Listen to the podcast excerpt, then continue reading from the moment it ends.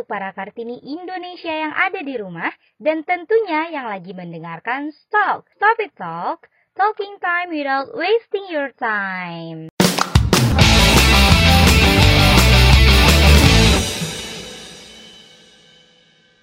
Yeah, alhamdulillah. Sudah Hmm. episode 2 nih kita sekarang. Yipi Yep. yipi yiha. Bener banget nih. Kembali lagi bersama kita, aku Yika Ramadhani, Aku Muhammad Iza Rizky. yang selama beberapa menit ke depan akan menemani teman-teman sekalian nih. Nah, sebelumnya pengen tanya sih, teman-teman ini udah pada bosen belum nih karantina di rumah udah hampir sebulan nih ya? Ah, bosen banget. Tapi nggak apa. Eh, Kita harus bisa melawan Hmm. bosan biar para pejuang di depan bisa melawan corona. Asik. Gila asik. Mantap. Jadi Torik, kita hari ini kira-kira mau ngebahas apa nih? Kita mau Selamat Hari Kartini seluruh wanita Indonesia. Nah, eh, Kok udah keluar? Sabar, sabar, sabar. anak siapa Siapa nih? Eh, Ini ngocok saja. Em, sabar, tenang, tenang, tenang, Torik. Ini bukan sembarang orang nih. Ini bukan orang nyasar, bukan. Nah, Oh, iya. melainkan ini Siapa narasumber pertama kita nih di Stop. Oh alah, ya Allah, akhirnya kita punya narasumber. Gila loh, episode 2 langsung Iya. ada narasumber. Ayo kenalan dulu narasumber, narasumber, kenalan, kenalan, kenalan. Halo semua, kenalin, aku Sofi. Aku staf Departemen Kajian Strategis dan Advokasi BEM FKG UNER. Oh, Oh, alah, orang kos, orang kastrat. Mm-mm. Halo Sofi. Mm-mm. Halo. Oke, kayaknya tadi udah excited banget. Tadi apa ngomongnya selamat hari Kartini? Emangnya kita hari ini mau ngomongin apa sih? Mau ngebahas apa sih emangnya? Nah, pas banget nih. Karena hari ini adalah hari Kartini dan bulan lalu juga ada Women March, gak mungkin gak sih kalau misalnya kita nggak ngebahas tentang woman empowerment. Topik yang emang sering banget dibahas kalau misalnya lagi ada upacara Kartinian ataupun seminar-seminar. Wih, bahasanya Torik. Ah, nggak salah deh ini kita Berat ya, berat ya. Berat banget nih. gila gila gila. Iya. Emang aku aku mau nanya dong, aku mau nanya. Emang sebenarnya gerakan woman Hmm. empowerment tuh apa sih? Itu wanita yang punya kekuatan, super power, apa super girl gitu? Apa sih? Bu. Apa woman empowerment? Bukan, bukan. Jadi, woman empowerment itu adalah suatu gerakan yang memperjuangkan rasa hormat, kemuliaan, dan pengakuan terhadap semua wanita. Nah, dengan adanya woman empowerment ini, sistem dan pola pikir patriarki masyarakat bisa diubah, serta wanita akan punya otonomi dan hak penuh atas dirinya. Hmm. Oh, ngomong-ngomong hak penuh nih. Yang dimaksud sama hak penuh tuh apa sih, Sof? Jadi, hak-haknya itu meliputi yang pertama ada hak pendidikan. Jadi, perempuan itu punya hak untuk mengenyam pendidikan dengan jenjang setara sama laki-laki. Bahkan udah banyak kan yang lebih kayak dokter sama profesor kita nih. Udah ada yang sampai S2, S3, ataupun spesialis kan. Terus, hak yang kedua ada hak ekonomi. Perempuan punya hak untuk berkontribusi dalam ekonomi keluarga. Kalau misalnya aku kasih contoh, mungkin lebih ke wanita karir kali ya. Mereka membantu perekonomian keluarga, tapi nggak melupakan perannya sebagai istri dan sebagai ibu. Hmm. Nah, terus ada juga nih hak untuk pengambilan keputusan. Jadi perempuan juga punya hak yang sama kok kayak laki-laki dalam pengambilan keputusan ataupun memberikan pendapat. Kayak misalnya nih contoh gampangnya nih. Biasanya kan yang ngurusin masakan tuh mak-mak nih, wanita-wanita nih yang ngurusin eh, pengambilan keputusan tentang makan makan apa hari ini, masak apa hari ini kan biasanya wanita nih, perempuan nih. Nah, Iya, itu salah satu haknya. Nah, dan yang terakhir, perempuan itu juga punya hak untuk mendapatkan perhatian akan kesehatan dirinya sama seperti anggota laki-laki. Gitu deh. Oh, tunggu tunggu tunggu. Berarti kasus yang kemarin yang kekerasan dan diskriminasi itu kan banyak tuh ya. Itu berarti masih masuk ke pembahasan ini ya? Iya, itu betul banget. Yang kemarin tahu kan yang kasus pelecehan seksual yang psikolog, ya kan tahu kan? Oh iya, tahu tahu tahu. Aduh, aduh, siapa namanya? Gimana nih, gimana, Dokter gimana siapa nih? gitu? Jangan ngegosip, guys. Aku nggak tahu gosip, guys. Gimana nih? Eh, bukan ini bukan gosip gak sih? Ini bukan gosip, emang beneran terjadi ya.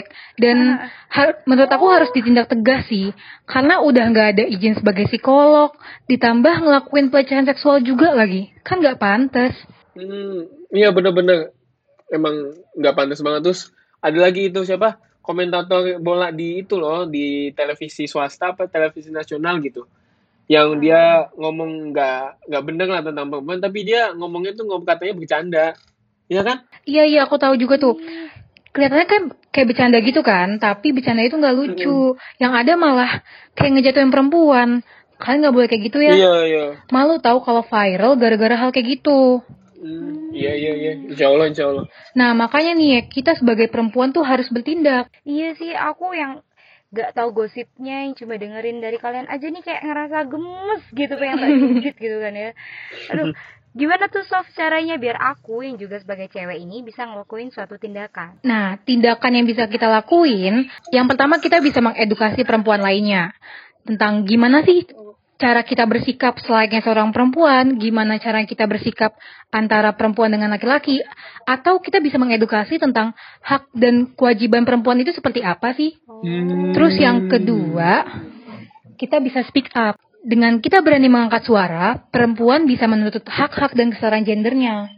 Nah, terus yang ketiga, kita bisa heart to heart antara sama perempuan. Jadi, kalau misalnya kita saling dukung nih antara sama perempuan, nantinya kita bisa meningkatkan kepercayaan diri satu sama lain. Terus nih, yang gak kalah pentingnya, kita bisa mendidik generasi berikutnya nih. Kayak aku sama kamu nih. Nah, kita itu kan bakal jadi calon ibu kan. Nah, Torik juga bakal jadi calon bapak kan. Amin. amin amin Nah, amin amin amin kita juga harus bisa mendidik anak-anak kita nih tentang hak mereka itu kayak gimana sih, kewajiban mereka tuh seperti apa sih, kayak gitu. Terus yang terakhir, kita juga bisa ikut andil. Kayak perempuan-perempuan sekarang nih, banyak kan yang terjun ke dunia politik atau mungkin di kegiatan eksternal. Atau udah banyak yang jadi CEO, jadi founder. Kan itu keren-keren banget Iya, kan ya? bener, bener, bener. Nah, kita juga bisa. tapi Kenapa tuh kenapa? Tapi kalau kalau kayak aku gini, kamu cowok ya, bukan cewek kan tadi itu ngomongin kayak cewek harus seperti apa gitu kan.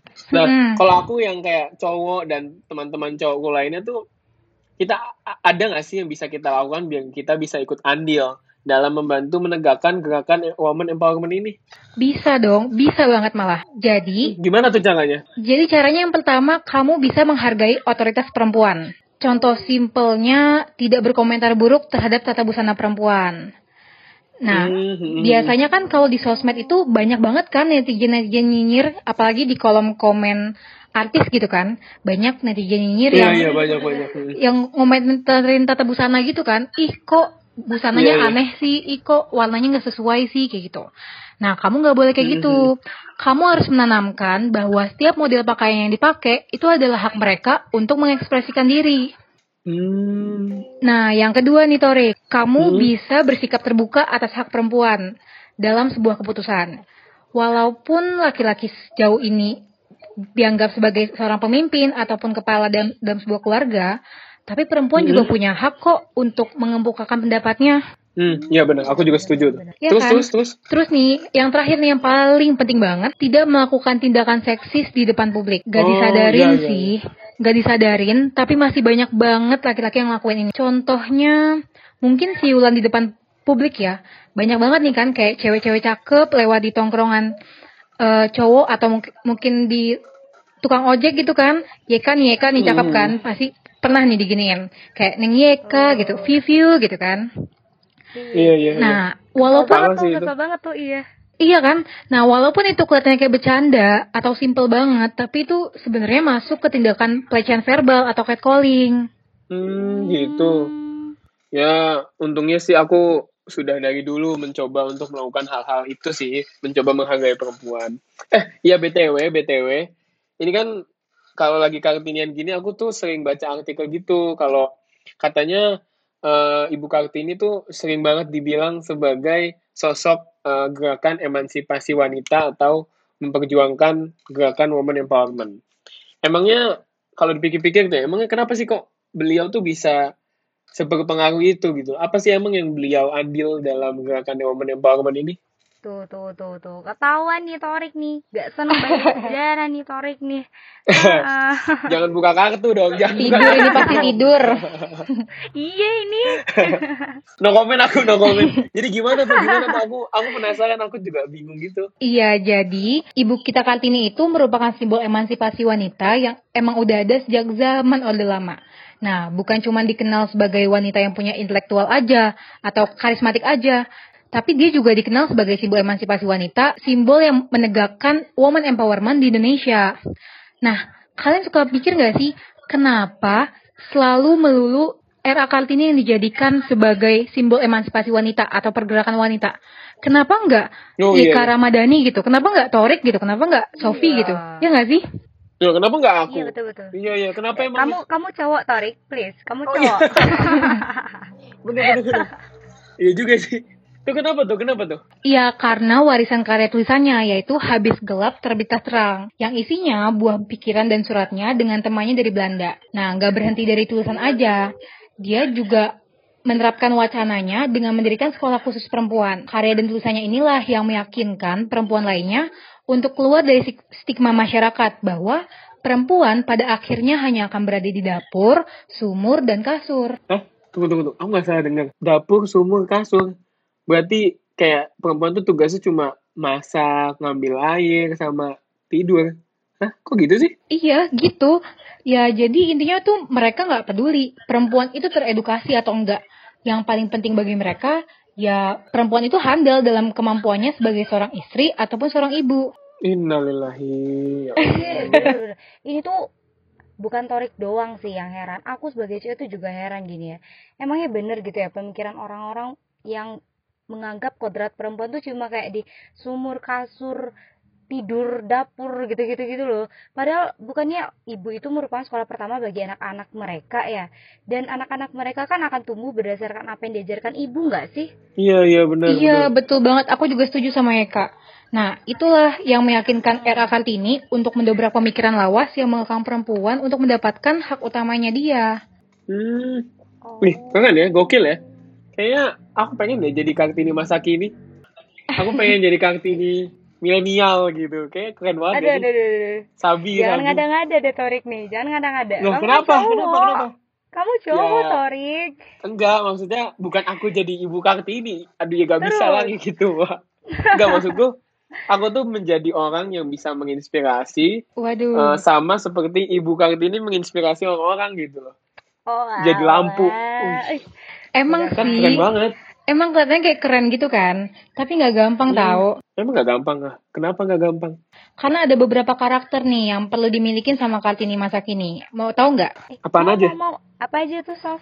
Yang pertama, Kartini masa kini harus punya sifat pantang menyerah. Kenapa? Karena semakin berkembangnya zaman, tentunya tantangan dan kesulitan yang dihadapin juga semakin besar. Nah, Kartini masa kini harus semangat dalam menggapai cita-citanya. Bayangin deh kalau misalnya Kartini masa kini pantang menyerah, gimana mau menegakkan woman empowerment, ya nggak sih? Hmm, iya, iya bener-bener. Oh. Make sense, make sense. Terus, terus, terus. Terus ada adaptif.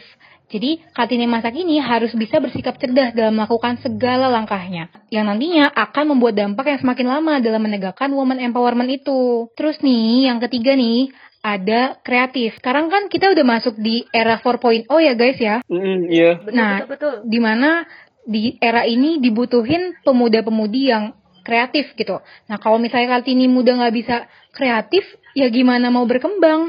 Ya nggak sih? Oh, iya, iya, bener-bener. bener. Terus nih yang terakhir yang gak kalah pentingnya, Kartini muda itu harus berani.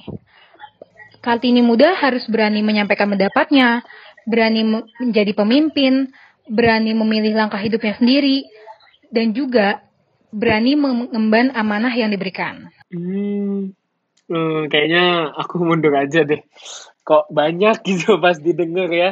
Eh, maaf. Sok-sokan sih, Torik. Emang emansipasi wanita itu perjuangannya berat. Kamu tuh nggak bakal kuat, Torik. Biar era Kartini aja. Ya itu mah Dilan, bukan era Kartini. Tapi aku penasaran deh. Kalau di FKG sendiri, ada nggak ya kira-kira yang punya sifat kayak gitu? Punya sifat yang dia pengen punya semangat untuk menegakkan woman empowerment? Ih, ada dong. Banyak malah. Oh, sumpah, sumpah.